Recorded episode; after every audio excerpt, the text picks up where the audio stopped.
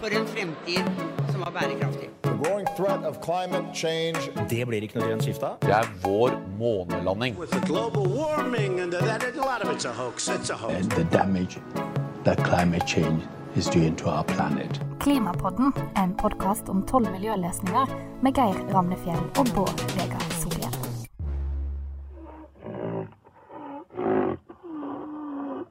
The last male northern white rhino, Sudan, has died at the age of 45. Sudan, who Bård Vegard, fikk du med deg at det siste mannlige individet av arten hvitt nordlig neshorn døde i vinter? Gjett om jeg fikk med meg. Jeg husker til og med at han heter Sudan. Og når det siste mannlige eksemplaret dør, da er det, da er det game over. Yes, det er jo livets gang. Vi skal dø, også naturens gang at uh, arter dør ut, selvfølgelig. Sabeltigre, mastodont Dinosaurer, selvsagt. Ja, sånn, Det er jo sant, men det er likevel to ting som er veldig forskjellige nå fra det vi kjenner historisk tid. Og Det ene er tempoet. Arter dør normalt ut sjelden og veldig sakte. Nå regner forskerne med at tempoet kan være ja, 1000 ganger det vi er vant til. Men det andre er årsaken, fordi vi har hatt fem masseutryddelser tidligere, alle av naturlige årsaker som klimatiske endringer. Nå er det vi mennesker som står bak eh, artsutryddelsen. Og det er jo det denne episoden skal ta for seg. For det, det ligger jo også i ordet antroposen, menneskets tidsalder. Altså den geologiske tidsalderen som forskerne mener vi er på vei inn i nå pga. denne sjette masseutryddelsen som man snakker om. Um, når man ser på amfibier, så det er jo en, eh, en art, eller en, en dyregruppe, som, har, som var her før dinosaurene.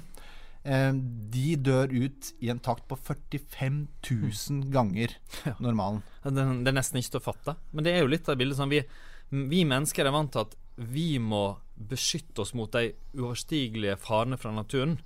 Men nå er det kanskje like mye sånn at naturen må beskyttes fra farene mot oss. Og det, tenk, tenk på det, for eksempel, Geir. Hva tenkte det siste mennesket som hogde det aller siste treet på Påskeøya i sin Ja. tid?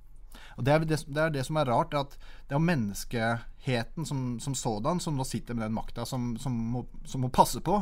Men det er jo også til syvende og sist enkeltmennesker. Det finnes jo historier om det, som påskeøya. Ja, og, og la- la meg fortelle en som jeg har blitt veldig fascinert av.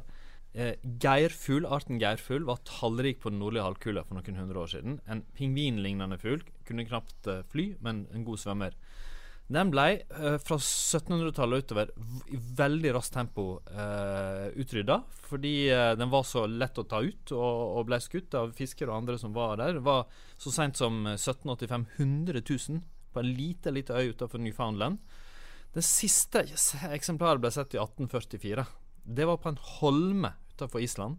Tre menn tok seg eh, inn på den holmen og skjøt de og tok livet av de to siste kjente eksemplarene av geirfugl. Ødela, ødela et egg i samme slengen. Jeg vet hvor du har lest den historien. Det er i boka til Elizabeth Colbert, 'Den sjette utryddelsen'. one, one summer Barack Obama had it on his reading list, so that was a thrill. Vi har vært så heldige å få snakke med Elisabeth eh, Colbert, bestselgerforfatter, eh, eh, New Yorker-ansatt eh, forskningsjournalist. Eh, boka hennes gjorde veldig sterkt inntrykk på meg da jeg leste den, og den har også satt dagsorden over hele verden.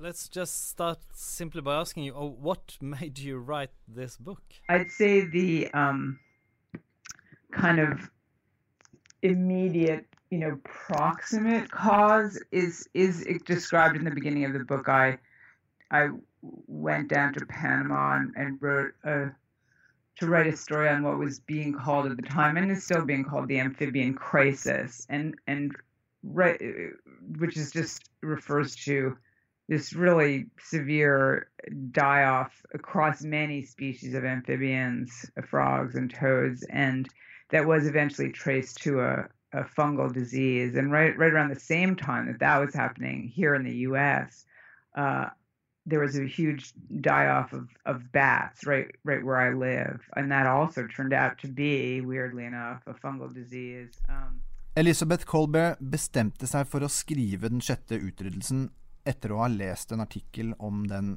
karakteristiske gullfrosken i Panama. Den ser altså helt gul med svarte prikker, som fra det ene tiåret til det andre praktisk talt var blitt utsletta.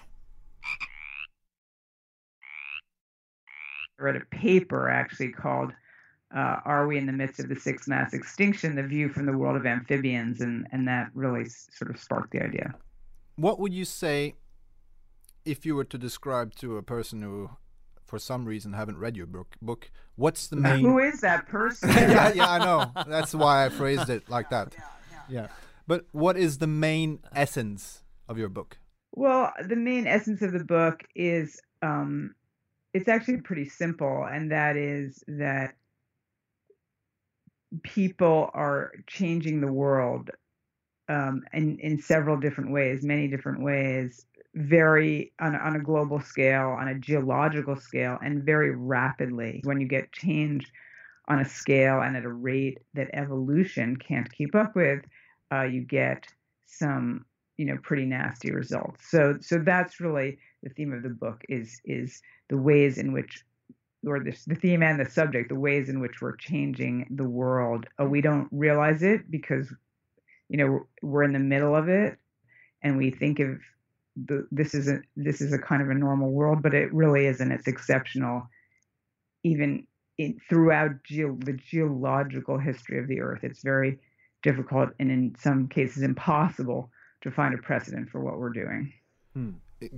Is it is it relevant to um, to compare what's happening now uh, to what happened when the dinosaurs got extinct? Um, unfortunately, yes. I mean, uh, you know, there's a phrase that you sometimes hear scientists say.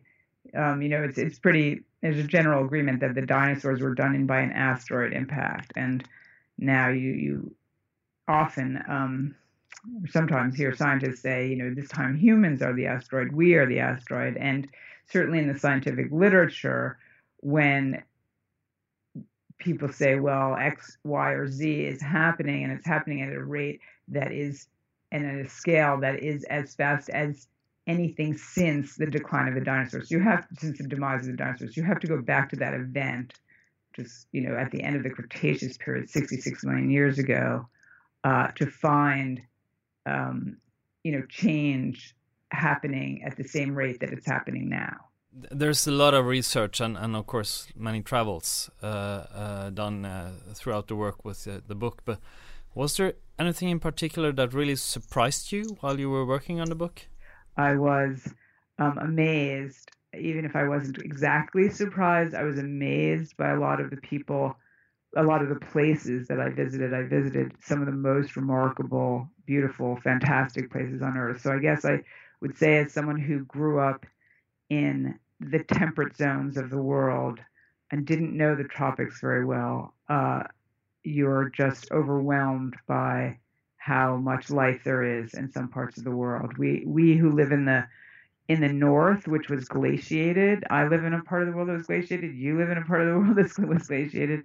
Um, you know, everything that lives there has only come back in the last ten thousand years or so, and so actually, life there's not that much. It's pretty species poor. Um, but you go to the tropics, which are much, much, you know, have been stable for much, much longer time, and the diversity of life is just is just unbelievable, spectacular, overwhelming.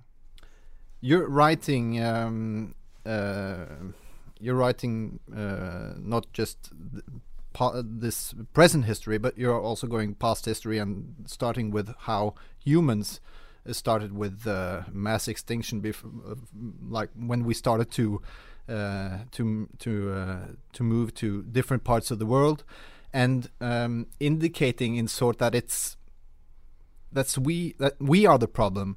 Is there something wrong with human nature? Is there something wrong with us, and can we change it?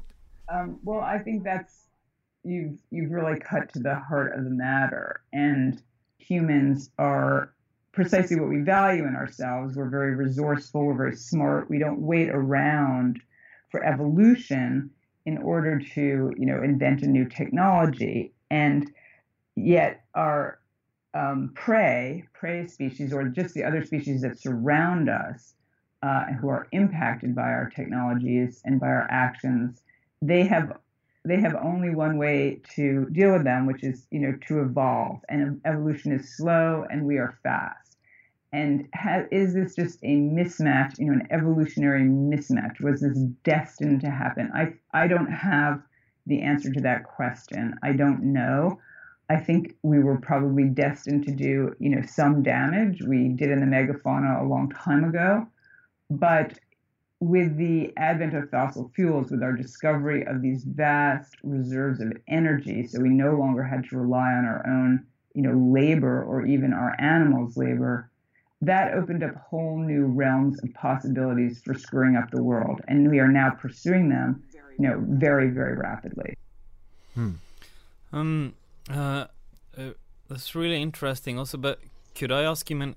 Do you think that I think your book is from 2014, if I'm uh, not mistaken? Yeah. Um, has anything changed since that? I mean, uh, probably uh, things have changed around you, and so I mean, in, but in the debate as such, in U.S. policy, do you see any tendencies that you that's worth mentioning? Well, I mean, we had, you know, we we ha- our pol- the politics in the U.S. around these this cluster of issues. You know, how how should people interact with other, you know, the the, the, millions of other species with whom we share the planet?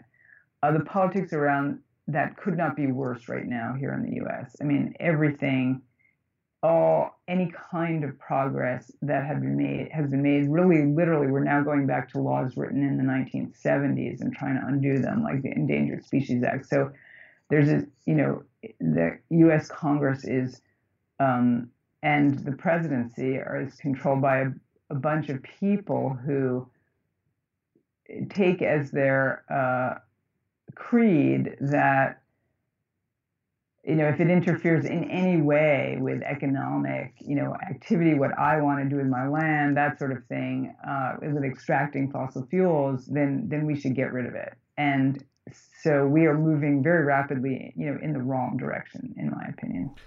But how is that? Uh, how is it? How is that role for you? You're like uh, you're like turned into Miss Sixth Extinction. Is yeah. that? you know, it's not necessarily you know great for you know going to parties and stuff, but I don't go to that many parties, so it's not really a problem. Um, you know, yeah, you're you're always you're always the you know Miss Gloom and Doom. So um, I, I definitely I do get typecast that way. Yeah. Det var et veldig spennende intervju med Elizabeth Colbert. Jeg syns jo man kunne også høre at hun er ganske prega av det å bo i USA og leve i en politisk uh, virkelighet hvor alt virker å gå i, litt, i, feil retning, og hvor det er en veldig polarisert politisk debatt. Så hun føler at det er kanskje vanskelig å nå fram, da.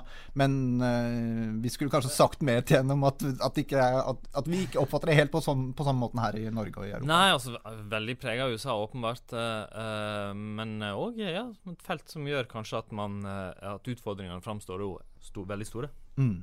Men nå har vi jo snakka mest om arter som dør ut. Men det fins jo også en annen side ved dette. Ja, for det er fordi når vi snakker om på en måte antall arter, som jo er kjempeviktig, og der utviklingstrekket som hun beskriver, er dramatisk Men en, den andre sida ved det er jo hvor mange individer i hver art. Eh, for det eh, en en forskningsrapport som heter Living Planet Report, og som det er WWF som har publisert annethvert år nå i mange tiår, siden tidlig 70-tall, viser, det er òg at antallet dyr i hver art systematisk går ned. Synker med så mye som 2 årlig. Og, og, der vi er nå, så er det jo faktisk sånn at verdens dyreliv er redusert med nesten 60% siden begynnelsen av 70-tallet. Og, og, og, det er store forskjeller, men det gjelder eh, ferskvann, kyst, eh, havet, eh, innland. Det gjelder, eh, Reduksjonen gjelder alle områder, selv om den er ulik mellom dem. Hvorfor, eh, hvorfor er det sånn?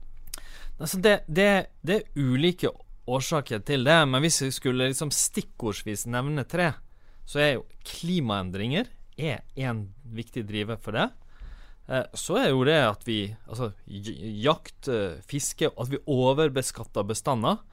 Men nok aller mest sentralt er det vi kaller altså, det at leveområdene forsvinner. Altså at arealer der arter har bodd, enten det er korallrev og havområdene der, eh, de store regnskogene, eller som vi kjenner områder i vårt eget land Når områdene forsvinner eller blir mindre, da blir det òg færre av arten. Um, Dagbladet skrev jo en del om uh, verdens naturpanel, som kan sammenlignes med uh, FNs klimapanel. De slapp jo en rapport nå for noen få måneder siden hvor de viste og også da sa at eh, tapet av natur nå er like farlig som klimaendringene. Ja, altså det, sånn, det er veldig viktig forskning. Naturpanelet er, som du sa, det tilsvarer klimapanelet. Se på all tilgjengelig forskning og på en måte prøve å slå sammen det. Men det er jo nesten hemmeligholdt uh, i forhold til klimapanelet, som det veldig mange mennesker nå har, har hørt om. Og det samme gjelder Vi har jo òg sånn alle, alle nesten som driver med, med, med samfunnsspørsmål, og mange andre har hørt om Parisavtalen for klima. Eh, Men du har en avtale som heter Konvensjonen for biologisk mangfold. Som jeg, altså jeg, møter, eh, jeg møter folk som er i regjeringer og, og næringslivstopper som aldri har hørt om den. Og forståelig nok, den, den får nesten ingen oppmerksomhet, selv om tematikken og utfordringene kanskje er like store. Bård Vegard, nå har vi jo vært innom ganske mye tungt stoff. Det, er, det er ikke, har ikke vært så mye, mer, så mye oppløftende å ta tak i til nå. Og denne podkastserien her skal jo handle om løsninger. Eh, for å eh, gjøre Elisabeth eh, eh, den ære å få begynne med å snakke om løsninger, siden hun har snakket veldig mye om hva som er galt, så kan vi begynne med å høre på hva hun mener er de viktigste løsningene for å ta tak i dette. Ja, for det vi gjorde, vi spurte henne hvis en amerikansk president eller en norsk minister ringte deg, hva ville du anbefale da? First of all, we need, you know, um, to rapidly and dramatically reduce our carbon emissions. Um, so, uh, you know, people have sort of converged around this idea that we need to put a price on carbon, a high price, pretty high price, us to move us rapidly off of fossil fuels. Uh, that I think would be very, very helpful. We need to um, think of ways that the developed world, you know, um, in the U.S., for example, we've already cut down most of our forests, and the forests that we have are, are second growth forests, but we need to think of ways that we can, you know, without intruding on the sovereignty of other countries, you know, try to help prevent the Amazon rainforest, for example, and the rainforests in Africa and in in in Southeast Asia from you know just being destroyed because that is where you know the diversity of life on earth is greatest and we are you know rapidly losing that. But we need to potentially um, you know we need to give economic support to those countries and i know that actually norway is very active in that and in, in terms of you know trying to preserve forests around the world. Um, so those are steps one and two and then we also really need to think about our agricultural practices because we are in it you know when we mow down big large swaths of the world and then we dump a lot of chemicals on them we're just basically making them uh, sterile you know we're we're just destroying everything uh, except you know our corn or rice or whatever it is that we want. Um, so we really have to rethink our agricultural practices. So those three things if we did them uh, they're not going to um, you know stop biodiversity loss but they would stem biodiversity loss. Bård Vegard, har du noe som du tenker vi bør nevne i tillegg til det Kolberg nevner her? Ja, hun sa jo mye av det viktigste. Eh, sant? Når Hogger vi ned skog, eh, tar vekk leveområder, så tar vi hjemmet til mange arter. Så det å bevare skog, f.eks. regnskog, er ekstremt sentralt. Men la meg legge til en ting til som jeg, som jeg tror spiller en rolle. Nemlig egentlig oss sjøl. Det å kunne ta den kjærligheten mange har til naturen, at vi bruker den og er så opptatt av den, og til, videre til å, å liksom se og anerkjenne hvor viktig det er faktisk å ta vare på den og verne den. Det er en dimensjon som jeg personlig er ganske opptatt av. Ja, men det er liksom enkelt, enkeltmenneske, men hva med Hva i det internasjonale bildet? Men det, det er kjempeviktig at du spør om. Fordi akkurat som klima, så er det umulig å virkelig håndtere det store naturmangfoldproblemene eh, uten et bredt internasjonalt samarbeid. Og En av de mest håpefulle tingene i årene som kommer, det er at eh, Beijing og Kina i 2020 skal ha det store toppmøtet for naturen, som kanskje kan sammenlignes litt med Paris-møtet i 2015 for klima. Det har Kina aktivt bedt om å få, vært veldig på, og, og som både jeg og mange tolker som et tegn på at de faktisk ønsker å komme videre og, og gjøre noe. Og, og, det har skjedd positive og spennende ting når det gjelder miljø i Kina de siste årene. Så, det, så jeg har håp på at det kan komme på dagsorden. Kanskje kan man få en prosess, en internasjonal avtale, som blir mer kjent, tas mer på alvor eh, og som er flere aktører enn bare stater. Næringsliv, organisasjoner som alle har lyst til å være en, en del av. En sånn, ja, la oss kalle det en global deal for nature. Det trengs virkelig. En internasjonal mobilisering, rett og slett. Ja, jeg, jeg, håper vi kan få en internasjonal mobilisering for natur, tilsvare den vi har for klima. Mm. Men vi må jo innrømme én ting, eh, Bårdvig. At da, da vi, vi, begynte jo denne episoden her med å snakke om at det siste mannlige individet av arten hvitt nordlig neshorn døde i vinter. Og det var jo noe som vi hadde skrevet inn i manus, men rett før vi begynte, så oppdaga vi jo at, eh, at eh, de hadde klart å ta vare på spermier fra den siste mannlige neshornet. Som du sa, at når den siste mannlige arten dør, så er det over og ut. Men det var jo ikke det. For de har klart å ta den sæden, og så har de klart å inseminere det i de to hunndyrene som er igjen. Og de er drektige. ja, men det er sånn, det er liksom, det ødela historien vår. Men er det ikke, ikke det håp, da? Sånn, sånn tenkte fantastisk. jeg. Ja. Og det er jo Det, det fins faktisk mange suksesshistorier òg. Eh, det blir nå mange flere tigre i verden. Altså Bestanden som har vært kritisk utrydningstrua, noen få tusen individer, vokser nå klart. Pandaer, eh, som eh, dyr mange kjenner til, eh, har òg eh, De har klart å snu utviklinga, få bestanden til å vokse. Eh, så det er mulig å gjøre noe med det når man klarer å få verden til å mobilisere. Mm. Og der klarte vi å løfte litt liksom der klarte vi å få det til å bli en positiv Det er utrolig etter å ha hørt alt det vi har hørt i denne episoden her. Men du, Bård Vegard, vi må til det faste punktet i podkasten, slutten. Eh, hvor vi spør deg på en skala fra 1 til 12, hvor 1 er minst viktig og 12 er mest viktig. Hvor viktig er det å ta vare på artsmangfoldet som nå er utsatt for sterkt press for å løse miljø- og klimaproblemene? Altså det, det fins egentlig bare ett svar, uh, og det er tolv. Uh, arter og naturen gir oss mennesker egentlig alt vi trenger. Uh, mat, klær, energi så grunnlaget for menneskelig aktivitet og, og, og, verden som vi kjenner den, er at er, vi har et stort naturmangfold og, og alle mulige forskjellige arter som bidrar til det. Så å ta vare på det er, det er absolutt nødvendig. En klar tolver. Klimapodden er laget av Dagbladet med produsent Marie Røsland. Programleder er politisk redaktør Geir Remnefjell i Dagbladet, og ekspertkommentator er Bård Vegar Solhjell, med faglig bidrag fra Ragnhild Vågård i WWF. Og du, hvis du likte denne podkasten, abonner på den, del den veldig gjerne med vennene dine, og gi oss gode tilbakemeldinger.